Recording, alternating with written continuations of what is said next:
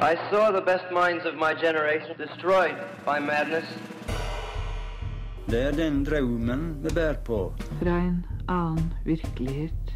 Kulturuke. Eh, Ja, jeg heter Dag Solstad, og dere hører nå på Bokbaren, og der er altså jeg.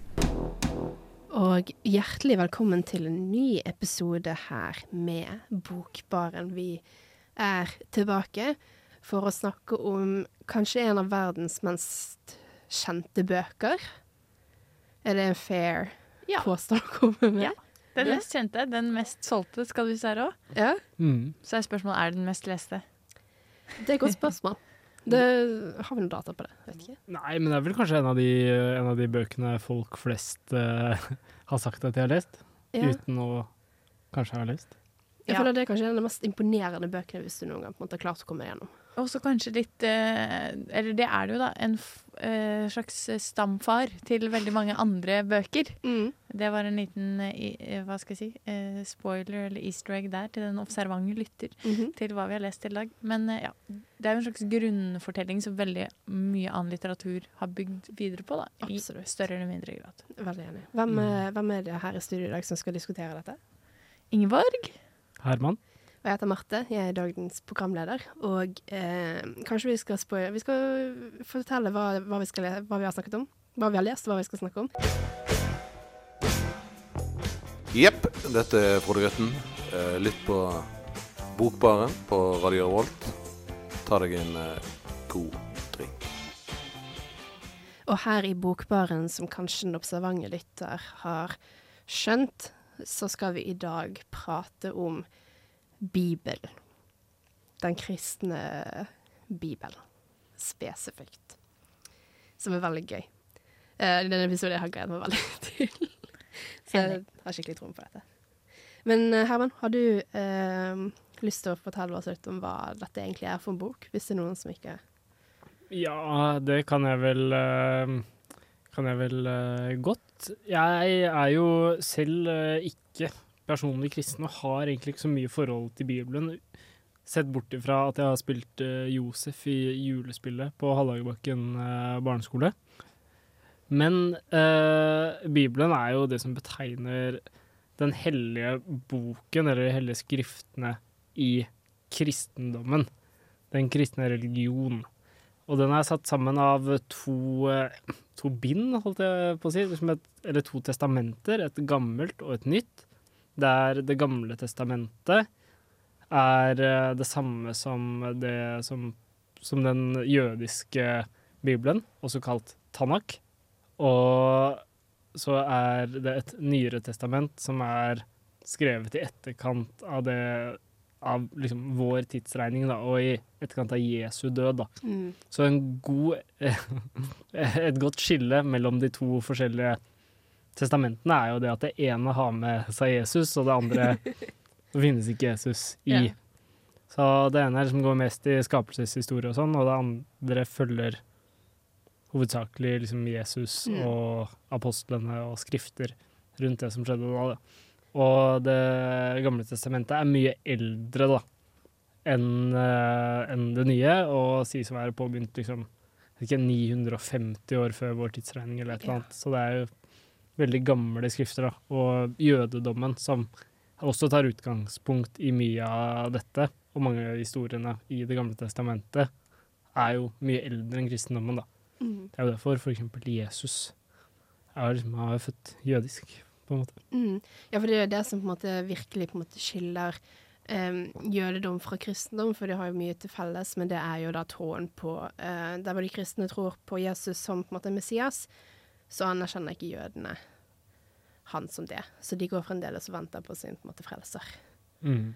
Så det er på en måte så det gir veldig mening at Det nye testamentet og på en måte den delen som virkelig på en måte er rettet mot eh, den kristne tro, starter jo med Jesu fødsel og um, Det nye testamentet. Mm. Mm. Men så var det på en måte Ja, når, ble den, når ble Bibelen på en måte skrevet? Hvem ble den skrevet av? Ja, Em, det er jo på en måte litt sånn eh, Det er mange forfattere. Det er, det er jo en haug med Jeg mener ikke å Det er en kalle det antologi. Ja, jeg mente ikke å kalle Bibelen for en haug, men det er på en måte en god del tekster skrevet av mange forskjellige folk. Mm. Noen anonyme og noen antatte, da. For eksempel eh, evangeliene i Det nye testamentet tror jeg ikke har spesifikke forfattere, men de er skrevet liksom etter handlingene til disse og disse personene. Mm. Mens andre er eh, på en måte tilnevnt noen forfattere. Jeg tror det er noe av det som står i Gamle testamentet som er eh, sagt at det er skrevet av er det, Salomo. Ja. Så det er liksom sånn, ja, veldig mange forskjellige, forskjellige tekster skrevet av forskjellige folk. Mm. Og så er det på en måte Ja, for at Åh, gud, nå mistet jeg det litt. Men for eksempel, i motsetning for eksempel da eh, muslimenes hellige tekst, som da er Koranen, hvor de da mener at den eh, teksten konkret måtte komme fra Gud.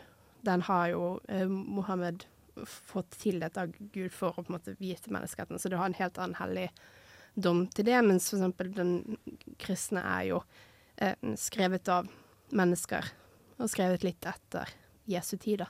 Mm. Ja, og så er det som det man ser på liksom, Bibelen som, da, Det gamle og Det nye testamentet, er jo en kanon. Mm. Og det er liksom sånn et bestemt utvalg tester som man, som man skal liksom føre sitt liv etter. Så det er på en måte de viktigste kristne tekstene samla Mm. i én stor Eller i to. To bøker. Mm. I to bind. For dette var spesielt etter dette, dette kirkemøtet i um, Nikea, Nikea. i 395, er det det? Uh, ja, det er i hvert fall på 300-tallet. Uh, jeg pleide å kunne spesifikke årstallet, men jeg husker ikke noe lenger. Men spesielt der mener jeg å huske at da virkelig satte man seg ned for å finne ut av hvilke tekster er det som skal være med. For det er jo mye på en måte eh, eh, spekulasjoner og teorier rundt eh, andre testamenter som egentlig eh, skulle vært med, eller som er eh, skrevet av troverdige kilder, men som ikke ble med i på en måte den siste utkastet. Mm, ja, jeg husker, eller kirkemøtet var Jeg skal rette meg selv, for det var i 325 i eh, Nikea. Men eh, jeg har, eh, eller jeg har jo studert historie i tillegg til eh, nordisk litteratur, og der hadde vi veldig mye om liksom, kirkens historie, da, Mm. som jeg skulle ønske jeg husket litt mer av akkurat nå. Ja, det er veldig greit. Og vi skal prøve å komme litt um, tettere inn på hvilken del av Bibelen vi har lest, for vi har ikke lest alle de 1500 sidene som er av Bibelen. Bla om til neste side når du hører denne lyden. Eller skru på radioen din og sett på Bokbarn, da. Hvor lytt. Og her i Bokbaren prater vi om eh, Bibelen, som er da denne store boken som du før i tiden i hvert fall kunne finne på nesten alle hoteller du var på. Ja, er det sånn at eh, Er det liksom fortsatt sånn at det er en bibel på hvert eh, hotellrom, eller er det noe man har slutta med? Jeg husker jo veldig godt sånn der eh, fra jeg var liten, sånn var i Syden eller et eller annet, så lå det en bibel på engelsk mm. i, i skuffen, eller på gresk. Jeg føler de har slutta litt med det, men kanskje det er også noe med at vi ikke sjekker lenger. Ja, for det er litt Har min enig. egen. Litt enig der. Jeg tror kanskje det er litt mindre populært. At det på en måte blitt akseptert litt mer på en måte mangfoldighet i forhold til religion og sånne ting. At kanskje ikke alle har behov for en bibel. Man kan heller spørre om det. Ja, nei, i mitt, uh, i mitt, uh, i mitt hjem uh, så er det Der er det Vet jeg at det er en, versjon, en dansk versjon, gammel dansk versjon av Det nye testamentet. Ikke noe gammelt testament. Og så har vi Koranen. Det er liksom, Oi. Ja. Men hva slags plassering har Koranen? Står den vanlig i bokhylla, eller står den i, så høyt som mulig? Den har i hvert fall stått. Nå vet jeg ikke hvordan det har blitt etter at, eh, etter at eh, mine foreldre har flyttet, men eh, den sto, tror den sto øverst i bokhylla, faktisk, uh, ut av respekt. Det er fint. Mm. Det er godt gjort av deg. Veldig stolt. Så, men, men nei, det er Men ja, nei, Bibel, det er liksom sånn Er den hvordan, hvordan, eh, hvordan ligger det an i dag, liksom? Er det noe alle Oi. Er det mye bibler rundt? Jeg har jo ikke bibel i Jeg har uh, ikke vokst opp i et uh, bibelsk hjem, holdt jeg på å si. Uh, vi har ikke, det fins ikke en bibel hjemme hos oss. Mm. Eh, jeg Kanskje et sted hjemme hos pappa, men det vet jeg ikke noe om. Men liksom, ja, i hjemmet hvor jeg har vokst opp, min mor ble ikke kristelig konfirmert, så vidt jeg vet. Og det ble ikke jeg heller. Så det er på en måte har ikke kommet inn noe bibel den veien. Mitt eneste liksom, forhold til det gjennom ja, øh, hva heter det? RLE og KRLE, eller? Ja. Ja, liksom undervisningen i skolen. Ja, for, for min del også. Sånn eneste forholdet jeg har til Bibelen, har jeg fått gjennom skolen og gjennom Mm. populærkultur, liksom. Ikke noe hjemmefra. Ja. Nei, jeg skal ikke si at jeg kommer fra et kristent hjem, for det tror jeg både mamma og pappa hadde blitt veldig sint på meg hvis jeg sa. Men eh, mormor var litt mer kristen er. Ehm, så jeg hadde to sånn barnebibler som liten. En veldig uh, på en måte enkel, så det var liksom sånn mest bilder, bitte lite grann skrift. Um, og så hadde jeg en som var mer um, fordi den minste var veldig enkel, mens den andre var mer sånn flotte tegninger. Altså sånt. Så jeg, jeg syns det var veldig gøy å se på liksom, tegningene og sånne ting. Så den ene var i sånn Tassen og vennene hans-format, Ja, og den andre veldig. var på en måte sånn Ja. Spot on, egentlig. Um, jeg husker alltid at jeg syntes at Det gamle testamentet var mer interessant enn det nye. Jesus gjorde ikke så mye for meg. Nei, men jeg er litt enig. Jeg syns også uh, det var Jeg syns jo veldig spennende med religion og kristendom. Um, og jeg syns også at veldig mange av de der spennende fortellingene var i Det gamle testamentet. Absolutt. Og det var kanskje det Jeg vet ikke om man la mer vekt på det i undervisning, eller hvordan det var, men sånn Ja. Man kan kanskje mer om Det nye testamentet, med tanke på liksom at det er noe som blir tatt opp mer rundt høytider og sånne ting, og som Mm. blir mer repetert. Men eh, ja, de der virkelig spennende fortellingene, det var Det gamle testamentet. Mm, ja, det er mye mer action der, og Gud er slem og liker ikke menneskene og straffer det så mye, men det er Mm. mer sånn herre Ja, man merker jo at det er forskjellige forfatter fra de to forskjellige Fra de to forskjellige testamentene. Mm. Gud er jo mye mer snill, da. Han er Ja, det er vel litt det der del av på en måte, prinsippet med Det nye testamentet og Jesus. ikke sant? Altså Jesus som på en måte dør for menneskers synd, så da får du på en måte en restart. Så da kan Gud være litt snillere. Men det er jo på en måte Ja, det, det, det var mye gøyere med det gamle. Ja, du, du, de var litt mer sånn ville, kanskje? Jeg vet ikke. Ja, jeg vet ikke. Det, det var på en måte litt med, sånn som jeg sier, litt med action. Det skjedde litt mer. Ja, men så er det kanskje også eh, Det er jo på en måte skapelsen og alt det der i, i i Gamle testamentet. Mm. Og det er jo spennende med verdensbygging også, tror jeg. At liksom mange syns. Det er jo Disse lange fantasy-seriene og sånn har jo mye av det samme. Eh, og ja, det er liksom Det er kanskje litt mer mystisk. Og litt mer sånn uforståelig og litt mer sånn magisk realisme, Ja. hvis man kan kalle det det, enn du finner i Det nye testamentet, hvor sånn, det skjer jo hva skal jeg si, eh, fantastiske ting der òg. Mhm. Men det er litt mer sånn ja, realisme ofte, da, kanskje. Eller jeg vet ikke. Ja, ja, jeg også føler litt Eller jeg tenker liksom, hvis du setter det liksom på spissen, da, så kan hvis du skulle delt inn eh, Bibelen i litterære sjangre, så ville man si at liksom, Så ville jeg tenke sånn Ja, Gamle testamentet, det er liksom myter på grensa til liksom fantastisk uh, litteratur, Mm. fordi at det er så mye sjuke, greier som skjer, og engler og demoner og monstre og katastrofer og overnaturlige ting, da. Mm. Mens kanskje er liksom Kanskje det er uh, Det nye testamentet som er magisk realisme, for det er ganske sånn jordnært. Men plutselig så går Jesus på vann, eller Ja. så blir det vann til vin, eller sånne ting som bare skjer helt naturlig. ikke sant? Ingen setter spørsmål med det. Bare sånn Å ja, ja, her ble det Hva var det, var seks fisker og to brød, eller noe sånt, som plutselig kunne med, gi mat til 2000 mennesker. Det chill, Og det er på en måte liksom. greit. Sick. Winning. Ja, det, ja, det er uh, uansett noen, hva skal man si, fantastiske elementer inni der, da. Mm. Som man på en måte De har jo en funksjon, om man på en måte aksepterer dem som ikke fantastiske eller fantastiske. Ja. For det er jo på en måte noe med på en måte, hva er funksjonen av Bibelen, egentlig. Det er jo eh, sånn som vi sier, på en måte en verdensbygging, men en verdensbygging spesifisert rundt en veldig sånn eh, spesifikk origin, på en måte opphavelse, da. ja, og selve funksjonen blir vel å være veiledende eh, mm. for de som tror. Og ja, en slags forkynnelse eller viderebringelse av Guds ord for de som ikke var der 900 år før Kristus. Og fikk det med seg på Mm. første runde. Absolutt. Veldig bra. Og vi skal snakke enda mer om dette. Dette er Lars Elling, og du lytter til Bokbaren. Og her i Bokbaren prater vi om Bibelen. Og vi har i dag lest deler av den første Mosebok, også kjent som Genesis, som er da eh, egentlig introduksjonen, første del av Det gamle testamentet. Som er da um, skapelseshistorien, egentlig.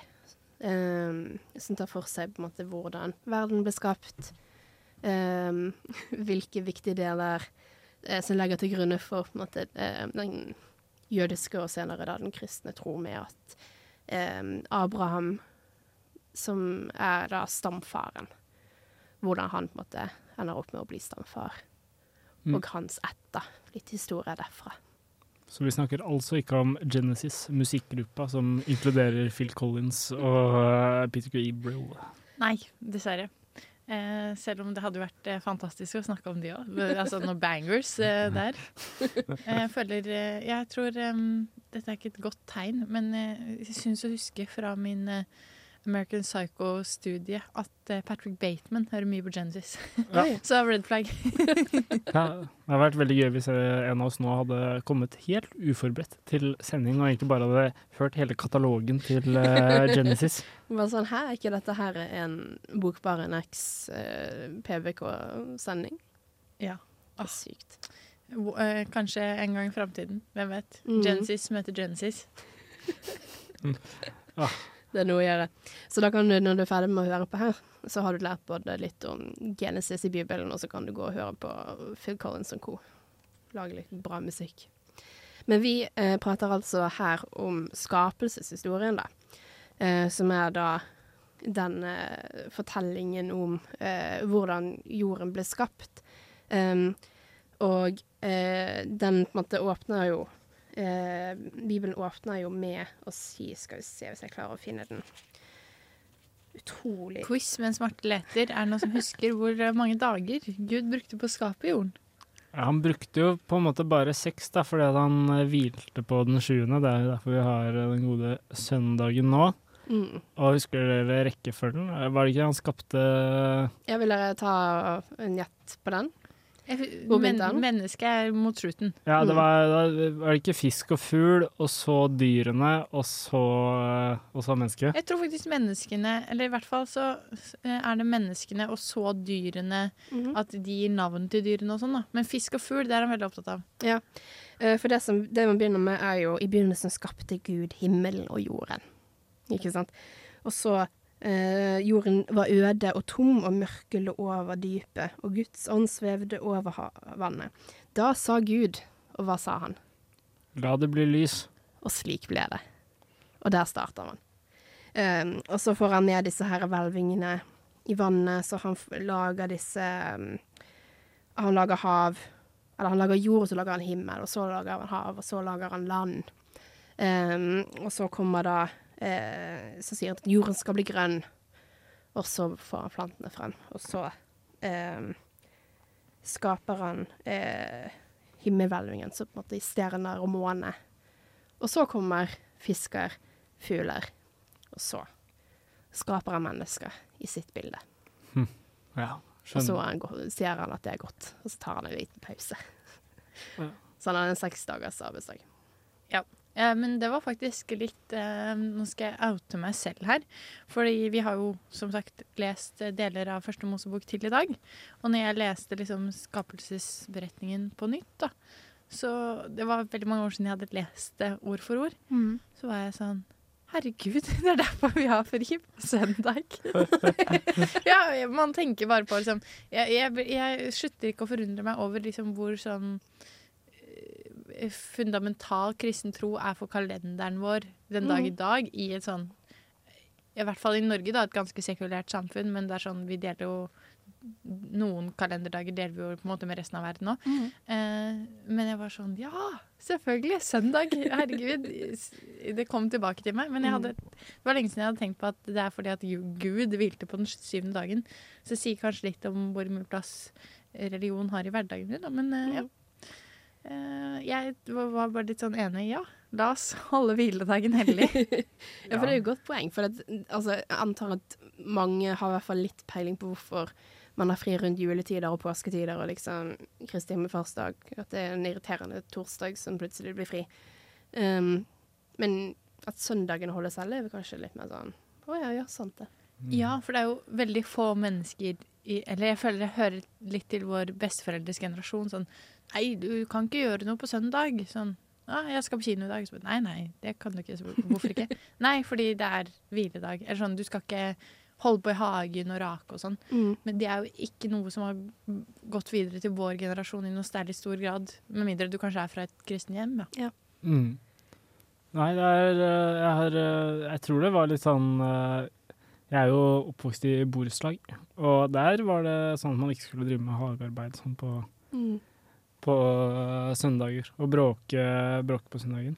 Og det er jo det er litt sånn da, I går så Du merker jo det, i hvert fall her i Trondheim, da, der vi bor, så er det jo en ganske svær, eh, svær kirke. Nidarosdomen. Ja. Det eneste av høykult... Eller av mid, ja, høykultur fra middelalderen som står igjen i Norge, ifølge professor Andersen fra Dag Solstad-romanen 'Professor Andersens natt'. Og ja, jeg vet ikke. Den ringer jo ganske høyt. Ja. Den ringer jo noen andre dager i uka òg. Men faktisk, eh, det er ikke Nidarosdomen som oftest lager mest. Den ringer veldig høyt, da. Men eh, tvers over gata så har man St. Olavs kirke, så jeg vet ikke om dere har hørt at det tar litt av rundt klokka seks ofte. Mm. Da er det gjerne at den eh, kjører i gang med en sånn eh, ja, på en måte Nidarosdomen er oppvarming, og så er eh, St. Olavs kirke main act. Ja, for det, Men det er katolsk kirke, er det Ja, det? ja. Ja. For det er jo ganske Det er jo også ganske verdt å nevne da, innenfor denne kristendommen som vi, som vi, som vi har her i verden, og som mange tilhører. Og så finnes det jo forskjellige retninger, trosretninger. Absolutt. Det jo, og Folk forholder seg jo til Bibelen og sånn, og tolker bibeltekstene på forskjellige måter. da. Og Derfor har vi jo protestantisme, som Mm. jo hovedsakelig liksom er Nord-Eu- Nord-Europa, ja, Tyskland og Tyskland og Norge og Danmark og mye i Storbritannia og sånn. Og så har du katolisisme, som er liksom mer den uh, Mm. halv... Eller sånn den tradisjonsrike latinske uh, kirken, liksom, som er uh, i Frankrike og Spania og Mm. Portugal og hele Sør-Amerika og Italia. Vietnam, for eksempel. Det er mye katolikker i Vietnam. Og så har du den ortodokse kirken, da, hovedsakelig gresk og russisk ortodokse Mm. kirken, som følger litt Øst-Europa. mm. Absolutt. Og det er jo på en måte noe som er interessant, da, for det er spesielt denne her historien her som um, folk på en måte tolker i forskjellige eh, grader av måte alvorlighet. da. Uh, hvorvidt denne er uh, den sanne historien om hvordan verden ble til. Det er jo kanskje en av de største debattene vi har, er jo på en måte em, skapelseshistorien kontra evolusjonsteorien. Og det er jo Jeg vet ikke om dere har noen tanker om hvordan denne teksten her presenterer liksom skapelsen. Nei, det er jo på en eh, Eller sånn, jeg vet ikke. eh, Jeg har jo på en måte fått gjennom ulike studieretninger og religionsundervisning på, på grunnskolen og videregående opplæring. Fått uh, høre en del sånn forskjellige skapelsesberetninger. Da. Og den ligner jo ganske mye på mye av det som eh, Mye av det som står i andre tekster. Da. For eksempel sånn i eh, i den norrøne mytologien, liksom. Måten verden skapes der. Det er jo ikke helt det samme, men det er liksom veldig sånn Det er jo, det er jo storslagent, da. Mm. Ja, eh, for hvis man skal snakke litt om liksom, eh, hvorfor eh, akseptere dette, da, eller tro på dette overfor f.eks. Big Bang, så er det jo på en måte noen virkemidler her, eller ja, noen overbevisende Eller ja, ting som skal virke overbevisende da, på leseren Mm. eller lytteren. Det er jo en veldig sterk muntlig tradisjon knytta til både Bibelen og måte, ja, religiøse fortellinger. Men det, det er jo veldig på en måte vakkert. Det er ikke mye um, ubehagelig eller stygt eller ja, motgang, da. Mm. Eh, og Gud er veldig allmektig. Eh, altså Han har muligheten til å skape alt dette. Han, altså, han bestemmer veldig over menneskene, og han er litt skummel. Mm. Ehm, så på en Altså, ja, det er jo virkemidler som kanskje gjør at Frykt er jo et virkemiddel, da. Ja. Ehm, men også det at det kan jo være deilig å ha, ha en følelse av at alt er forutsatt, eller at det er en allmektig gud som måte dømmer og ser. Og det kan både være skummelt og på en måte befriende eller beroligende. Så jeg tror nok det er en grunn til at ja, mange, mange aksepterer den versjonen, da, eller tror på den versjonen. Og det er sånn som du sier, at det er en, en, en fortelling som er veldig muntlig, og som på en måte fungerer veldig godt. Og det er jo på en måte um, Det er mange gjentagelser i boken, som, eller i denne uh, historien her, som gjør at den er litt lettere å huske, kanskje. For hver dag starter med eh, Gud sa, og så det han har tenkt å gjøre den dagen. Og så avsluttes det med eh, Gud så at det var godt, og så ble det kveld. Og så var det på en måte en ny dag. Så det er en veldig enkel en måte, historie å følge med på og huske, da. Um, så det er på en måte Jeg vet ikke. Ja, jeg tror det med gjentagelse er veldig viktig for, ja, som du sier, å huske det, og da forlenge den muntlige tradisjonen som gjør at det faktisk har blitt til det det er i dag, Bibelen. Altså Mm. Når det ble skrevet, så hadde det jo sikkert ikke samme på en måte tyngde, eller det var jo ikke viden kjent. Altså Gutenberg, ø, boktrykkerkunsten, alt det der. Mm. Eh, før det her så var det jo på en måte en muntlig fortellertradisjon, og det som har gjort at det har spredd seg så voldsomt, da. Nå har vi jo nevnt fra liksom ja, Sør-Amerika til Vietnam, på en måte, må jo være noe av den herre gjentagende, repetative, enkle formidlingsmåten og retorikken da, som er brukt. Ja, det er liksom ikke jeg si, Det er liksom ikke Hegel som har skrevet Bibelen, på en måte. Det er jo ikke Det er mange som jobber med å tolke bibeltekstene, og det er utrolig krevende arbeid og veldig sånn Veldig spennende at noen driver med det, for det er jo på en måte jeg vet ikke, Den vestlige kulturen er jo ingenting som har preget den vestlige kulturen mer enn kristendommen, liksom, og fortsetter med å gjøre det. Den definerer den kristne kulturarven. Definerer oss uansett, på en måte, jo, eller ja, ut ifra hva, vi- hva vi vil eller ikke, da. Det Ja. veldig- Jeg er enig. Og så er det noe med at det er sånn Det at Nå snakker jeg om hele Bibelen generelt, da. Mm. Men det er veldig tydelig hva som er rett, hva som er galt, hva som er Mm. godt, hva som er ondt. Og det er, tror jeg, godt for folk å lese, eller beroligende for folk å lese, sammenligna med liksom samfunnet vi lever i, da, hvor du må analysere hele tiden. Og det er kanskje ikke så lett å se hva som er svart, hva som er hvitt, hva som er godt, hva som er øh, dårlig. Og det er veldig mye gråsoner, så det gjør det at det blir en eh, lett historie for folk å måte, knytte seg til og søke trøst i. Mm. Og dette her er samtaler vi kunne hatt i veldig mye lengre tid, men vi må nesten hoppe videre. Hei, det er Junidar. Les Ibsen og lytt på Bokbaren. Dette er historien om himmelen og jorden da de var skapt på den tid Herren Gud hadde laget jorden og himmelen. Det var en veldig rar setning, men det er faktisk sånn eh, eh, Historien om Edens hage starter. Eh, for det er jo kanskje noe det neste som skjer da etter eh, Gud har skapt verden og eh, menneskene. Så har vi da denne her Edens hage. Et slags paradis på jord. Hvor eh, Adam og Eva, som vi finner ut at de heter, lever i beste velgående. Mm. Viber hardt. Ja. Er det ikke sånn Er det før? Eller For det er litt sånn Det sklir litt over i hverandre her. Når er det i sage, og når Ja. For når Adam er alene, og Gud først gir ham forskjellige dyr, og er sånn Kan dette være din like? Kan dette være din like? Så er han sånn Nei, det er en ku. Det er en hest. Det er en gris. eh, og så tryller Gud Adam i søvn. Tar ribbeinet fra et av ribbeina hans og skaper da kvinnen ut ifra det. Jeg har inntrykk av at det skjer i en sage. Ja, for det, det er noe som er interessant, er jo hvis, Det rakk vi ikke å snakke om i forhold til skapelseshistorien, men um, i den originale på en måte, skapelseshistorien så lager jo Gud to mennesker fra på en måte støv eller fra jord, um, og skaper de i sitt bilde.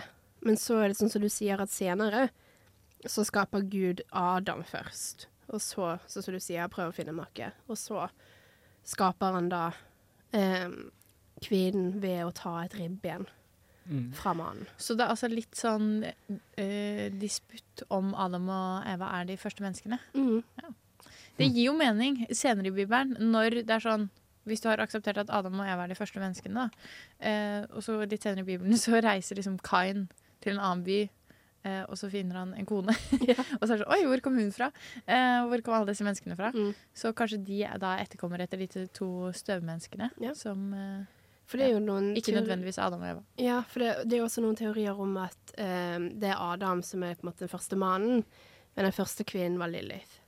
Og så Eva på en måte den andre, fordi at Gud skapte kvinnen som en like, verdt som på en måte mannen, på samme nivå.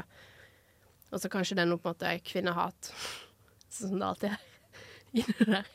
Og så skapte Eva for å være på en måte submissive og ære av eh, Skapt av Adam, så han kan beskytte henne. Ja. For eh, det er jo virkelig her det begynner å bli interessant, føler jeg, i Mm. Edens hage. Ehm, for da kommer det jo inn noen verdier som jeg tenker har prega eh, ikke bare vestlige samfunnet, men liksom ja, alle samfunnslag på hele jorden til den dag i dag. Og det er jo, som du blant annet er inne på her, da, Marte, med mannen og kvinnen og deres roller, og mannen som på en måte beskytter av kvinnen, kvinnen som eh, submissive overfor mannen.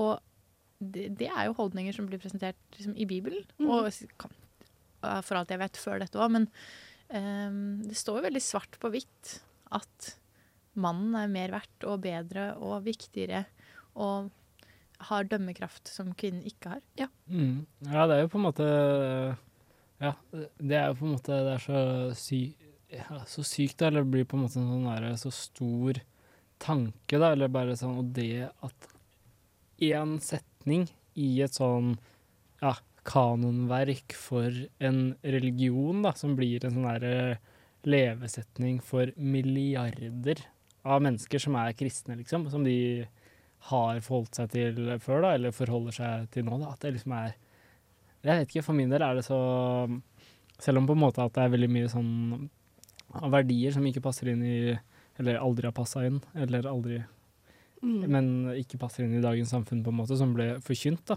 Så på en måte det at fordi at noen skrev det, og det på en måte ble en religion som fulgtes, så er liksom det en sånn standard som har preget kulturen, da. I hvert fall fram til nå, da. Absolutt. For det som skjer her, er jo at um, de lever lykkelige uvitende i, um, i denne hagen. Og så en dag så møter Eva en slange som sier uh, ja, du kan spise av fruktene her. Og hun sånn ja, ja, jeg kan spise av alt bortsett fra dette treet i midten av hagen. Det har jeg fått beskjed om at det får jeg ikke lov til. Og så ser slangen på det og sånn, men ser det ikke litt digg ut, da? Har ikke du lyst til å ta en bit? Men jeg syns egentlig slangen er litt Jeg er litt på lag med slangen, jeg. Altså. Ja. Fordi eh, det, det han sier, er sånn Nei, du kommer ikke til å dø. Gud er bare Han vil ikke at du skal være like Mm. klok og allmektig som han. Så er det akkurat det som skjer når de spiser av treet. De blir jo opplyste og kan skille mellom godt og vondt. Og Gud, han, han dreper du jo ikke, men han blir jo sur for at de nå kan Så han er jo litt på en måte Han, han vil jo ha makta for seg sjøl. Ja, men Gud er jo liksom Jeg vil si at den Gud som presenteres i Det gamle testamentet, han er ikke supersympatisk, på en måte. Det er jo liksom Det er mange andre tilfeller liksom sånn derre med hva er det? Syndefloden Mhm. og Noah, når han bare oversvømmer verden, og Noah må skynde seg å pakke med alle dyrene i arken sin, eller at han på en måte deler eh, verden inn i forskjellige språk og Ja, ja. er liksom Ja. Nei, han framstiller liksom ikke Nei, det er ikke så veldig hyggelig, på en måte. Skjebne som venter oss her. Gamle testamentet er du skal frykte Gud, hvis ikke går det deg dårlig. Ja. Eh, og det, det går jo ikke så bra for Adam og Eva, selv om de ikke dør. Mm. Eh, men det første som skjer når de har spist av dette treet, er jo at de oppdager at de er nakne. Noe de på en måte ikke har tenkt på før. Ja. Eh, og tar på seg klær. Og der har vi sånn Her kommer på en måte kunsthistorien nå. Mm. Tenk deg alle de maleriene du har sett, både som på en måte, skal være fra Edens hage og forestille Adam og Eva, men også alle eh, ja, nak halvnakne eh, maler, eller figurer på malerier senere, som liksom har disse bladene som gjerne dekker i hvert fall underlivet og kanskje også andre kroppsdeler. Mm. Sånn, det kommer derifra, det òg. At det var en sånn grunnsetning som bare har fu fulgt videre og gjennomsyra all kultur. Ja. Ja, det er jo derfor eh, ingen eh, Eller sånn, det er jo på en måte det som har vekket mye sånn der ikonoklasme, da. Ødeleggelse av kulturskatter gjennom historien, liksom. Det er jo derfor, hvis du går på et eller annet museum, da, hvis du drar på Louvre i Paris eller British Museum eller drar og besøker ja, Akropolis-museet i Aten. Mm. Det er jo det er ingen av skulpturene som har peniser, liksom. Det er jo, de er jo hogd av. Ja. For at det liksom ikke var noe Mm. som skulle være sånn. Ja, og sikkert malt over for mange bilder. Og det har kommet noen vannliljeblader som ikke var der. Ja, ja. Mhm. Og det er jo på en måte noe som tar med inn i vår, eh, vårt samfunn, da. På en måte hvor mye skam som er belagt rundt på en måte, den nakne kropp.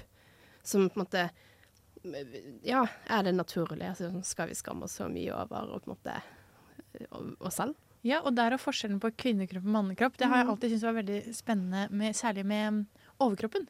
Hvorfor er det sånn at menn eh, kan gå i baris, eller sånn det, Ja. eh, Menn uten T-skjorte, det er ikke nakenhet, men kvinner uten og noe på overkroppen, det er nakenhet. Og det er jo faktisk De dekker seg jo til og med blader i Bibelen. Jeg tror ikke det blir spesifisert, men på alle tegningene og sånn man ser, så er det jo gjerne kun nedentil de dekker seg til. Mm. Så hvor den herre Det kom når at kvinnene skulle dekke til på en måte brystene, hvor det kommer fra, det er jeg litt interessert i. Kanskje vi skal prøve å finne ut av det? Ja, Må ha vært på 80-tallet i hvert fall. Ja. Før det så var det liksom nude beaches og Det var greit på, det var greit på 70-tallet. I noen, eh, noen grupper. Ja. Nei, men det er jo sånn Det hele Bibelen er for meg, da, det er at det er veldig mange sånn Hva skal man si det, grunnhistorier om rett og galt, og som vi har, bygd, som vi har vært nevnt at bygges videre på liksom all eh, underholdning eller litteratur, kultur senere. Men, og noe av det er jo liksom fine ting som man kan Mm. bygge videre på. Men akkurat det her med de kjønnsrollene er, blir også en sånn derre grunnhistorie som vi hele tiden vender tilbake til. Og jeg tenker det må jo være mulig å kunne ta et oppgjør også med noen av disse holdningene. Ja. Og diskutere om sånn Har dette noen plass i vårt samfunn i dag? Og mye av det nei. Mm. Og andre ting jo, dette handler om rett og galt, og det er jo fint å ta med seg videre, liksom. Absolutt. Og det tror jeg absolutt er sinnssykt viktig med det å lese Bibelen, er jo på en måte hva ønsker man å ta med seg videre? Og hva kan vi la på en måte være, være tilbake i den tiden der? Ja, jeg syns jo på en måte alle, som Hans Olav Brenner sier, alle opplyste mennesker med respekt for seg selv må høre på Bokbarn.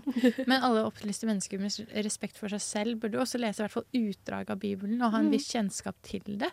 For ja, som sagt, de gjennomsyrer jo veldig mye av kulturen vår, og det er disse grunnhistoriene som kommer igjen i alt vi, vi ja, omgir oss med, da. Kunne ikke sagt det bedre selv. Jeg heter Anne B. Ragde og er forfatter. Og når man er forfatter, så hører man selvsagt på Bokbarn så ofte man har anledning. Selvfølgelig gjør det det, og her i Bokbaren prater vi om Bibelen. Og eh, nå tenkte vi at vi skulle gå videre til eh, kanskje en av de mest dramatiske, eller en av de første dramatiske hendelsene i Bibelen, som foregår mellom eh, sønnene til de første menneskene. Abel og Kain. Mhm. Ja. For det som skjer her, er jo at eh, eh, Abel, han har ansvar for eh, eh, jakting. Ja, Så så han er, er det han som er hyrder, og så er han Ja. andre skal så marken. Mm. Kain. Mm. Så han ene er veggis, og han andre er kjøtteter. Ja, basically. Og det er jo det som eh, er kil- kilden til konflikten nå. For den Mhm. ene, Kain, ofrer korn til Gud, Ja. og Abel ofrer sikkert en av sauene sine, da. Og så syns Gud det var litt hyggeligere med sau enn med korn. Og så av en eller merkelig grunn finner han ut av å si at det du gjorde her var ikke godt nok. Og så blir Kain sur. Ja, Så Gud tar rett og slett ikke imot Kain sitt offer av korn. Mm. Og da eh, snur Kain seg rundt og ser ja, men hva er det som skal til for at noe blir godtatt hos Gud, ofres hos Gud. Ja. Eh, da ser han jo at broren har drept noe, ikke sant? Et et dyr. Mm. Så han dreper da sin bror Mm. i hevn. Ja. Ja. Det liker derimot ikke Gud så veldig godt. Um, Det er ikke så og lett å ha han med å gjøre, men- bannlyser vel egentlig Kain til å Mm. være en sånn evig vandrer. Um, og så argumenterer Kain imot, da, uh, for å si at ja, men da kommer alle som møter meg, til å slå meg i hjel. Og da gir han en, dette merket eh, som skal sørge for at ingen kommer til å slå han i hjel. Mm. Kains merke. Ja, for hvis du Ja, hvis du dreper Kain, så kommer han til å Kommer du til å få syv ganger forbannelsen tilbake. Mm. Og det er litt suboptimalt. Ja, det blir vanskelig å dø syv ganger, men um, kanskje alle barna dine dør, eller ja. Mm. Så det er jo det første mordet. Ja. Det er det. Men uh, Gud er jo da La meg høre hva dette, dere tenker om dette. Det er jo Gud som liksom blir veldig sint for at dette skjer. Mhm. Men det er også Gud som på en måte har vært inspirasjonen for at det skjer. Ja. Fordi det er jo han som ikke har godtatt et liksom, eh, offer som ikke var av blod. Jeg opplever at veldig mye av det som Gud tenker at å nei, dette, var, dette likte jeg ikke, uh, veldig mye av det var hans feil. Eller kunne han på en måte gjort noe med. Så hvis du virkelig ikke ville at uh, mennesker skulle få liksom fri vilje og evne til å reflektere, så hadde du ikke hatt dette treet midt i hagen. Nei. Og jeg skjønner liksom litt den der eh, moralen med ikke, ikke gi deg til på en måte fristelse. Men Ja, for det er jo kanskje det, da. Eh, vi har jo vært litt inne på det, men vi har kanskje ikke sagt det sånn eksplisitt. At til og med mange troende kristne går jo ikke og på en måte leser Bibelen som en sånn historiebok hvor alt det som skjedde, var sant. Mm. Mye av det er jo på en måte eh, Er det parabler det heter? Eller sånn bilder på eh, historier som skal lære deg noe om moral og rett og galt.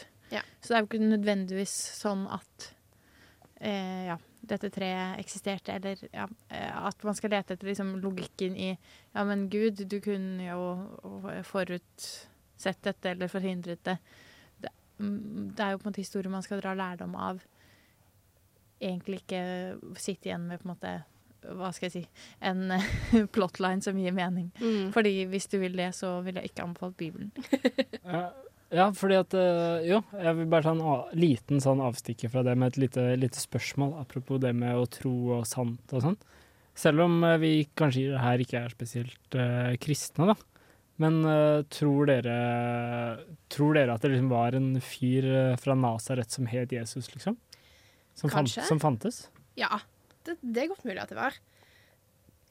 Uh, gikk han på vannet? Nei, det tror jeg ikke. Jeg tror ikke han gjorde på en måte, alle disse miraklene, men jeg kan godt se for meg at det eksisterte en mann eh, som eh, ønsket på en måte, folk sitt beste og på en måte hjalp de fattige. eh, hang med prostituerte, altså sexarbeidere, eh, og på en måte var litt sosialdemokrat eh, på den tiden. Ja, var han enig. Guds sønn?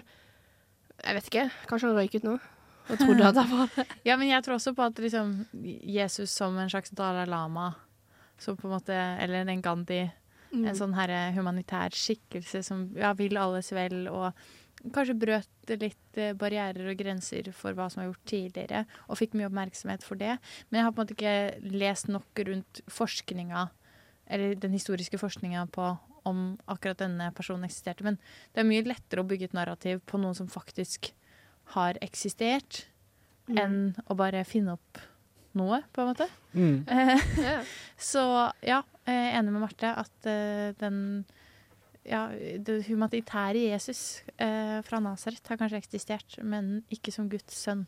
Mm. Ja, for det er liksom det som er liksom, Jeg har heller ikke lest meg noe liksom, opp på noe forskning i forhold til det her. Men jeg liksom har ofte liksom tenkt at ja, det må jo, må jo kunne ha vært sånn at han, han levde på en måte. Alle de andre vet ikke, apostlene og disiplene og sånn, de er jo på en måte dokumentert at de levde ofte. Mm. Og alle mulige helgener og sånn. Så hvorfor ikke han? Ja.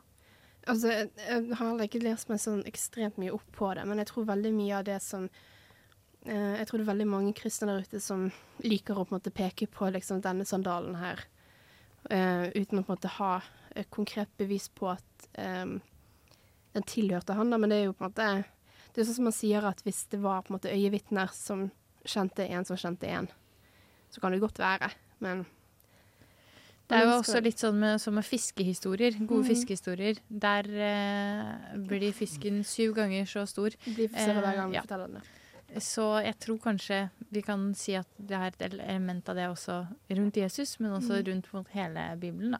Ja, ja. Det er jo mye vandrefortellinger som kan endre seg over tid. Absolutt. Men det med på en måte Vi er jo inne på et litt interessant moment her nå. eh, og det er jo liksom Er det realistisk? Er det ikke? Tror vi på det? Og da snakka jeg og Marte litt tidligere i dag om hvordan måte, Bibelen prøver å overbevise oss da, om at eh, disse tingene stemmer. Og mye av det er jo sikkert knytta til den forskninga på om har det levd en Jesus fra Nasaret. Og det er stedsnavn og slektshistorie. Eh, for det er jo voldsomme Det begynner jo egentlig med Kain og Abel, og litt etter det. Ehm, da er det liksom lange, lange tirader med sønn av, datter av, eh, hvem som er i slekt. Abraham, stamfaren i liksom alle mulige religioner.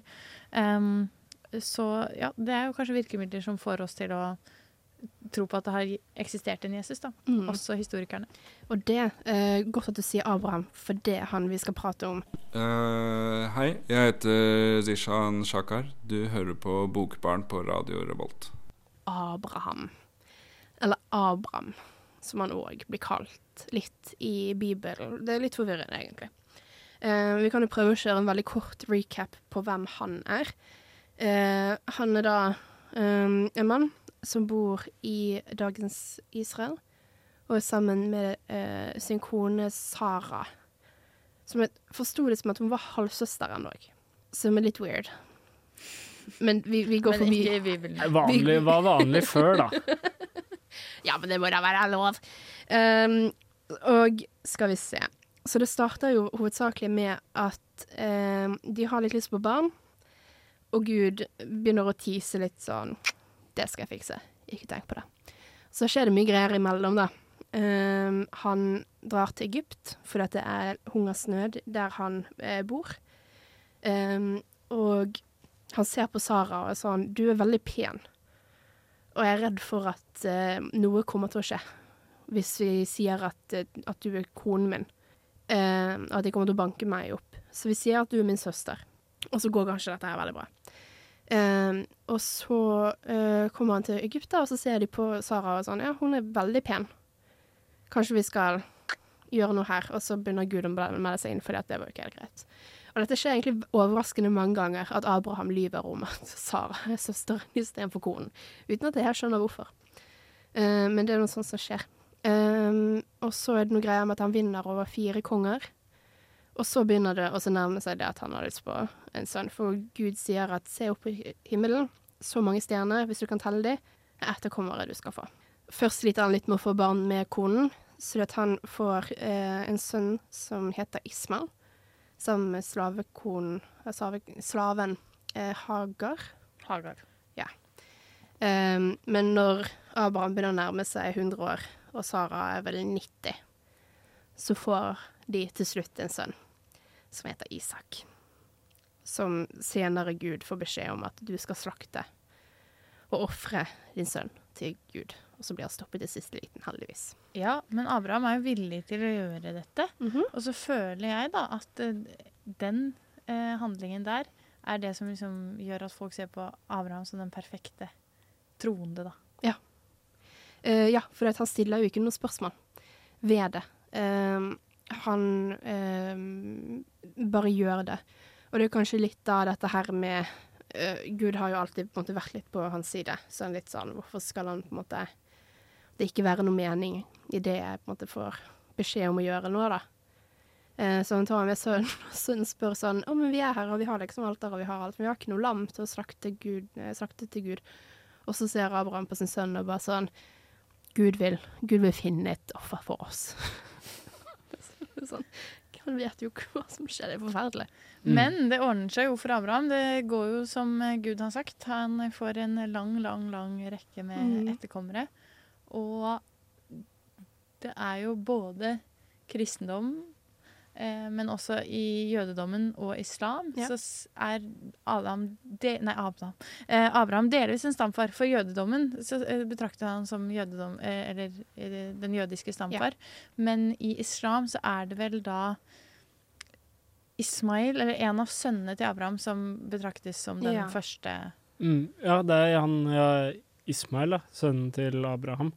Han er vel ansett i, innenfor islam som det arabiske folks stam, eh, grunnlegger, på en måte, da. Og Mm. derfor blir Abraham, da, for eh, Eller da blir Adam Abraham Ja.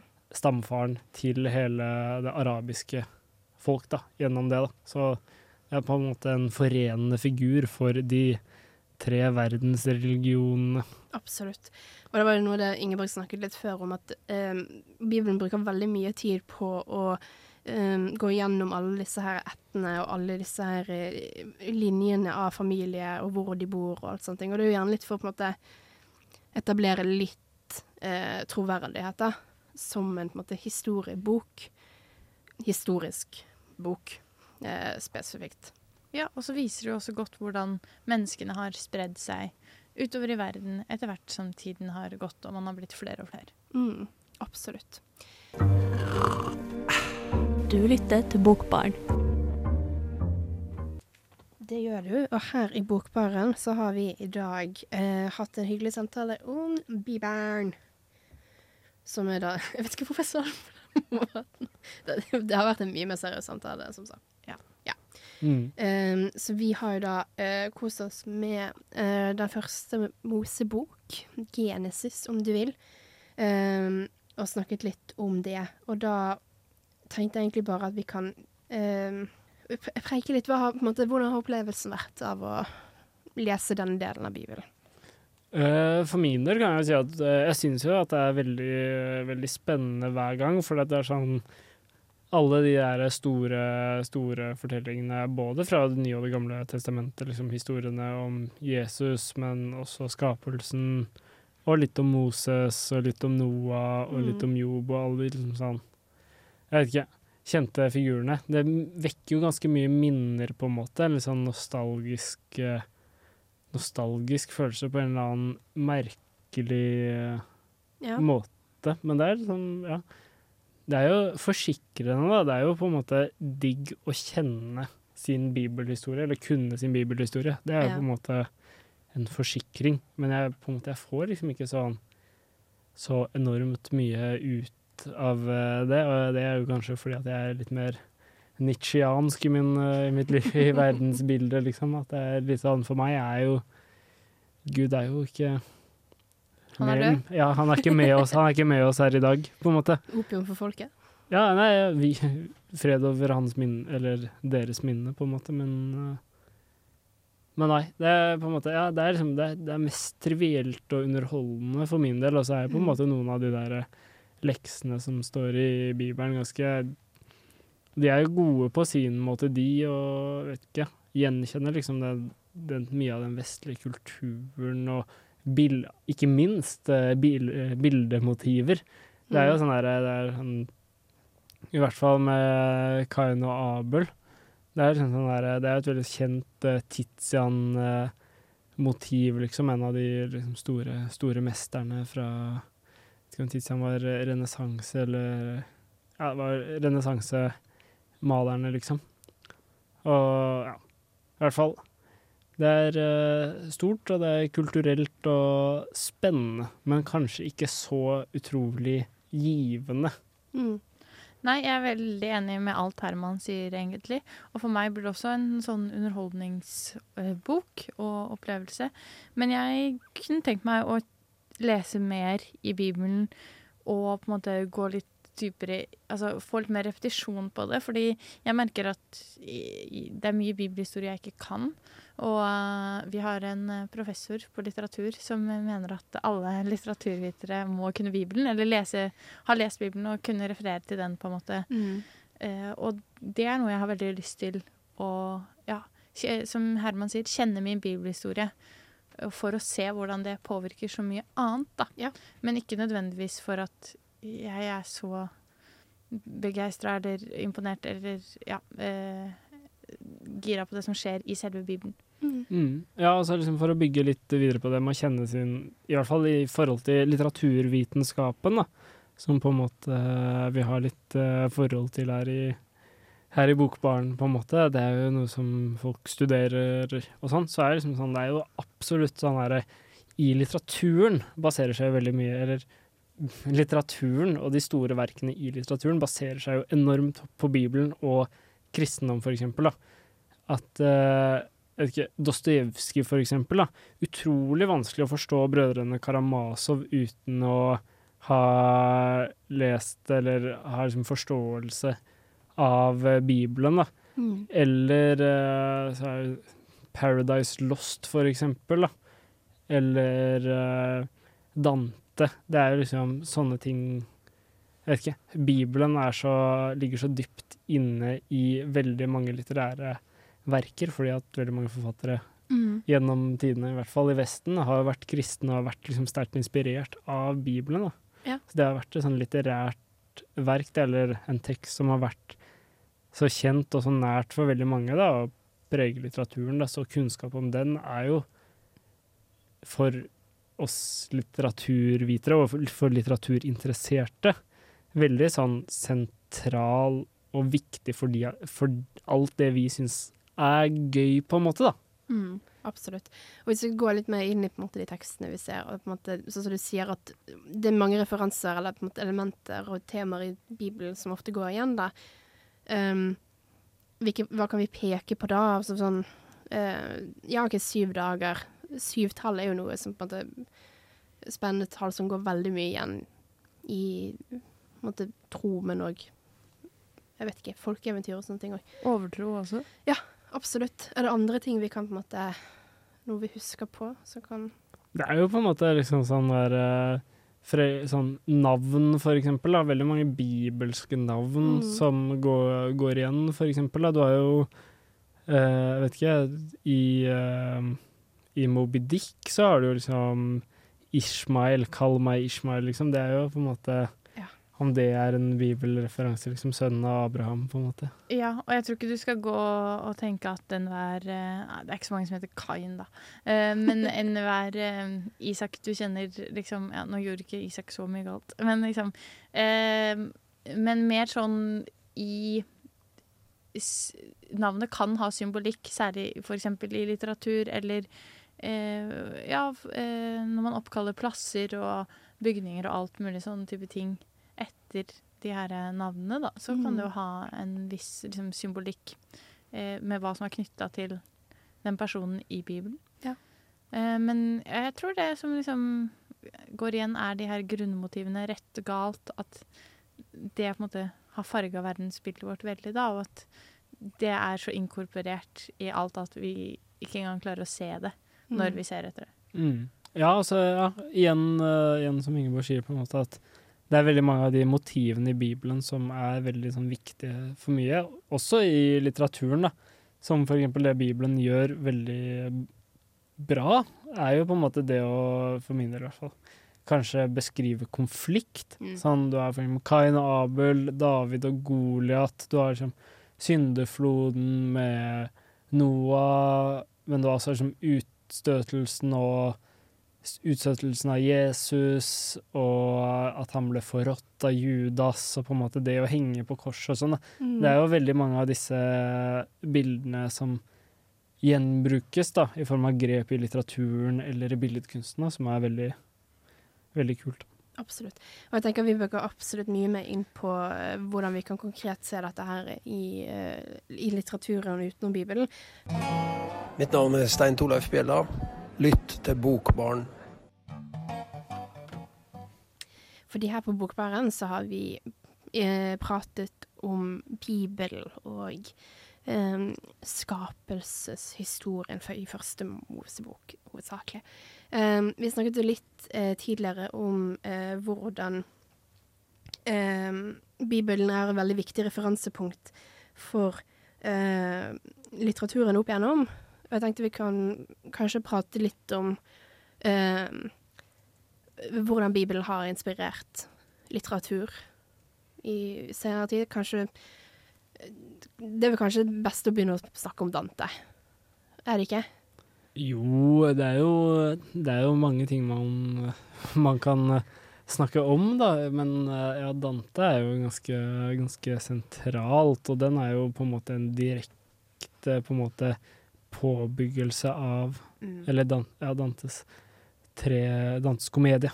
Ja. Er jo på en måte en påbyggelse av Bibelen, da. Med liksom guiden gjennom helvete. Ja. Jeg tror hvis Helle hadde vært der, så hadde hun kalt det en self-insert fanfiction. Oi. ja, for eh, eh, Den guddommelige komedie er bygd opp i tre deler.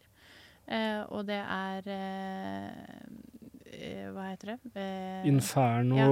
Purgatorio og Paradiso, er det ikke? Så eh, på en måte helvete Hva heter det mellomdelen igjen? Skjærsilden. Skjærsilden, ja. Og himmelen. Mm. Eh, og Dante vandrer Og så igjen da, så er det masse sånn sirkler nedover og oppover i det her. Ja, det. Eh, men den på en måte tredelingen da, er jo med helvete, skjærsild og himmel, er jo noe man har fra kristendommen. Mm. Med at ja, du er I Dante så går du først gjennom helvete for å komme til skjærsilden, hvor du så bedømmes om du må kan gå videre eller gå tilbake. Eh, men eh, selve den oppbygginga er jo liksom fra kristen tro, da. Og så er det jo alt som skjer på veien eh, der, er jo sikkert veldig mye Jeg har ikke lest hele, altså, men eh, sikkert masse bibelske referanser osv. osv. Mhm. Men det som slår en mest i øynene, er jo den her inndelinga av boka, da. Ja. Mm. Ja, absolutt. Veldig liksom sentralt. Da. Altså, en annen tekst som på en måte utmerker seg også, som på en måte er veldig veldig anerkjent i forhold til sin på en måte bibelsk tilknytning, er den eh, boka eller den romanen som heter 'Paradise Lost', eller 'Det tapte paradis', da, som er et epos skrevet av den britiske forfatteren John Milton, da, som er utrolig, utrolig anerkjent. da. Og det, den handler om englenes opprør og skapelsen og syndefallet og utryddelsen av paradiset, liksom Adam og Eva og Lucifer og sånn, da, på en måte. Så den bygger på en måte videre på alt det som skjer i, i Det gamle testamentet på en eller annen måte. da. Den Mm. utbroderer historiene på en måte vi har lest da, fra skapelsen. Mm. Og så har du jo kanskje mer moderne bøker som går litt mer eh, Ikke sånn spesifikt måte, inn i måte, Bibelen, men henter veldig mye fra bibelske historier. Da kan man også begynne å snakke om Dan Brown. Engler og demoner. um, Da Vinci-koden. Jeg vet ikke om det er, men jeg husker Narnia. veldig Ja, Narnia òg. Spesielt Ja, Narnia. Absolutt. Neil Gaiman sin Sandman-serie. Mm. Um, for der er det på en måte ikke en videreskrivelse av bibelsk historie. Eller for sånn I Sandman-serien så bruker man jo navn som Lucifer, Kain og Abel Mm. osv. osv. Uh, og der er det mer sånn at jeg føler kanskje man låner historiene og putter det inn i universet. Men i Narnia, for eksempel, så er det jo Aslan er jo Jesus og Ja. så videre. Eller Gud eh, kan han jo også være. Han skaper jo verden i Narnia. Mm. Um, men det er på en måte ikke en eksplisitt referanse til Bibelen ved at det står ikke at han heter Jesus, han heter Aslan. Ja. Uh, så sånn sett er det ikke på en måte en videreskrivning av Bibelen Det vel- som det høres mer ut som den ja, Eller som Dante kanskje? og sånn handler litt mer i, da, selv om det ikke er en videreskriving av Bibelen. Men at man har lånt elementer, eller blitt inspirert, da. Mm, absolutt. Og en annen på en måte forfatter som jeg nevnte litt i stad, og som jeg har lyst til å komme litt tilbake til, er eh, for å få litt eh, østligere representasjon, da, og i forhold til det ortodokse, da, så er det Dostojevskij og veldig mange av hans bøker på en måte bygger også mye på sånn bibelske budskap og fortellinger og forestillinger, på en måte, innenfor det ortodokse, da. Så iallfall i den romanen han har skrevet som heter 'Idioten', da, en av hans aller mest anerkjente, og som jeg kanskje syns er ja, kanskje den aller beste, møter vi liksom en sånn slags Jesus-figur som er sånn, jeg vet ikke, som er en idiot, da, men som samler veldig mange folk. Det er liksom åpen og dumsnill, da. På en måte en Mm. sånn der Messias-karakter, da. Ja. Så har du vel, hvis vi skal gå til Norge, eh, Norges svar på Dan Brown, Tom Egeland. Ja. Som har skrevet disse Lucifers testamente eh, Lucifers evangelium. Evangeliet, og så har du ja, eh, Nostradamus testamente, det heter. Det er en annen bok som han har skrevet. Ja, jeg føler jo Jeg har ikke lest uh, de Egeland-bøkene, men jeg har jo lest litt i de Dan Brown-bøkene. Jeg føler jo at det her er jo historieinteresserte folk som har forholdt seg litt til Bibelen på samme måte som oss. Ja. At sånn Oi, det her er utrolig spennende historier. Og at man på en måte går i eh, litt i på en måte Jesu eller i religionens fotefar og liksom nøster opp og finner spor og Mm. det er jo kjempe, kjempespennende. Og det, jeg tror det er det som drar veldig mange historikere til feltet òg. Det derre å nøs- At du skal nøste opp i historien. At du skal gå i fotsporene til noen som har gått før deg. Ja, for det er jo på en måte altså Bibelen på mange måter er jo en historie som man aldri helt kan vite om har, eksistert eller ikke, så det er jo på en måte gå inn og prøve å, å legge noe halvvitenskapelig på en måte til det. Jeg skjønner veldig godt at det fenger. altså. Jeg husker godt det så Da Vinci-koden for første gang. Det var dritspennende. Ja, veldig. Og så er det også det, alt det som har skjedd etter Bibelen, som man kanskje har mer historiske kilder på. At mennesker som har levd osv., osv., eh, som var kristne, som også er spennende å liksom, følge opp. da. Sånn, Mm. ja, Abelard og Heloise, vi vet jo at de har levd. Ja. Eh, og bodde i kloster og ikke kloster. Og, men jeg tror litt av grunnen til at det blir ekstra spennende, og mytologiseringen rundt, er nettopp det at det er religion som gjør at vi ikke kan Vi har ikke svarene på alt, da. Hei, hei. Eh, Dette er Vigdis Hjort. Jeg liker navnet på denne radiokanalen, Radio Revolt. Hør på magasinet Bokbarn. Det å sitte på bar og lese bok, det er ikke det verste. Og da er vi dessverre snart ved veis ende her i denne fantastiske episoden vi har hatt om en av de mest kjente bøkene i verden, kanskje. Mm. Gode, gamle Bibelen. Ja. Jeg lurer på om dere kanskje har noen boktips? Kanskje ikke nødvendigvis Bibelen spesifikt, men Nei. Um, vi har jo på en måte nevnt mye titler underveis i sendinga i dag, og som kan være uh, ja, bibelinspirert. Mm. Um, jeg vil uh, nevne noe for de som kanskje syns det er litt spennende med noe sånn elementer av mytologisering eller ja, um, sånne ting. Det er 'Nemesis' av Philip Roth. Det handler om en ja, Det er vel New Jersey. eh, Jeg tror det er på 40-tallet. Så kommer det en poloepidemi. Eh, og det er veldig mange Altså som boka Tittelen på boka eh, henspeiler, så er det mange Du kan lese mye overnaturlige eller sånn mytologiske elementer inn i det. Og det er en del sånn ja. Eh, gjærtegn og så videre, som Mm. har litt med kristendom å gjøre. Så hvis man har litt bibelinteresse og litt gresk mytologiinteresse, så er det en god bok. Ja. For min del eh, også vil jeg bare anbefale å lese Lese Dostojevskijs eh, tjukke mursteiner. Mhm. Ta de bort som sånn dørstoppere, eller til å presse planter med, og heller lese de. Prøv Mhm. det. Det er ganske bra. Jeg kan anbefale Nostradamus testamentet av Tom Egeland. Hvis du syns at eh, engler og demoner er litt spennende, så er det noe for deg. Med det så kan vi bare si tusen takk for at dere var med oss i dag. Ha det bra. Ha det bra! Ha det bra, og Gud være med dere.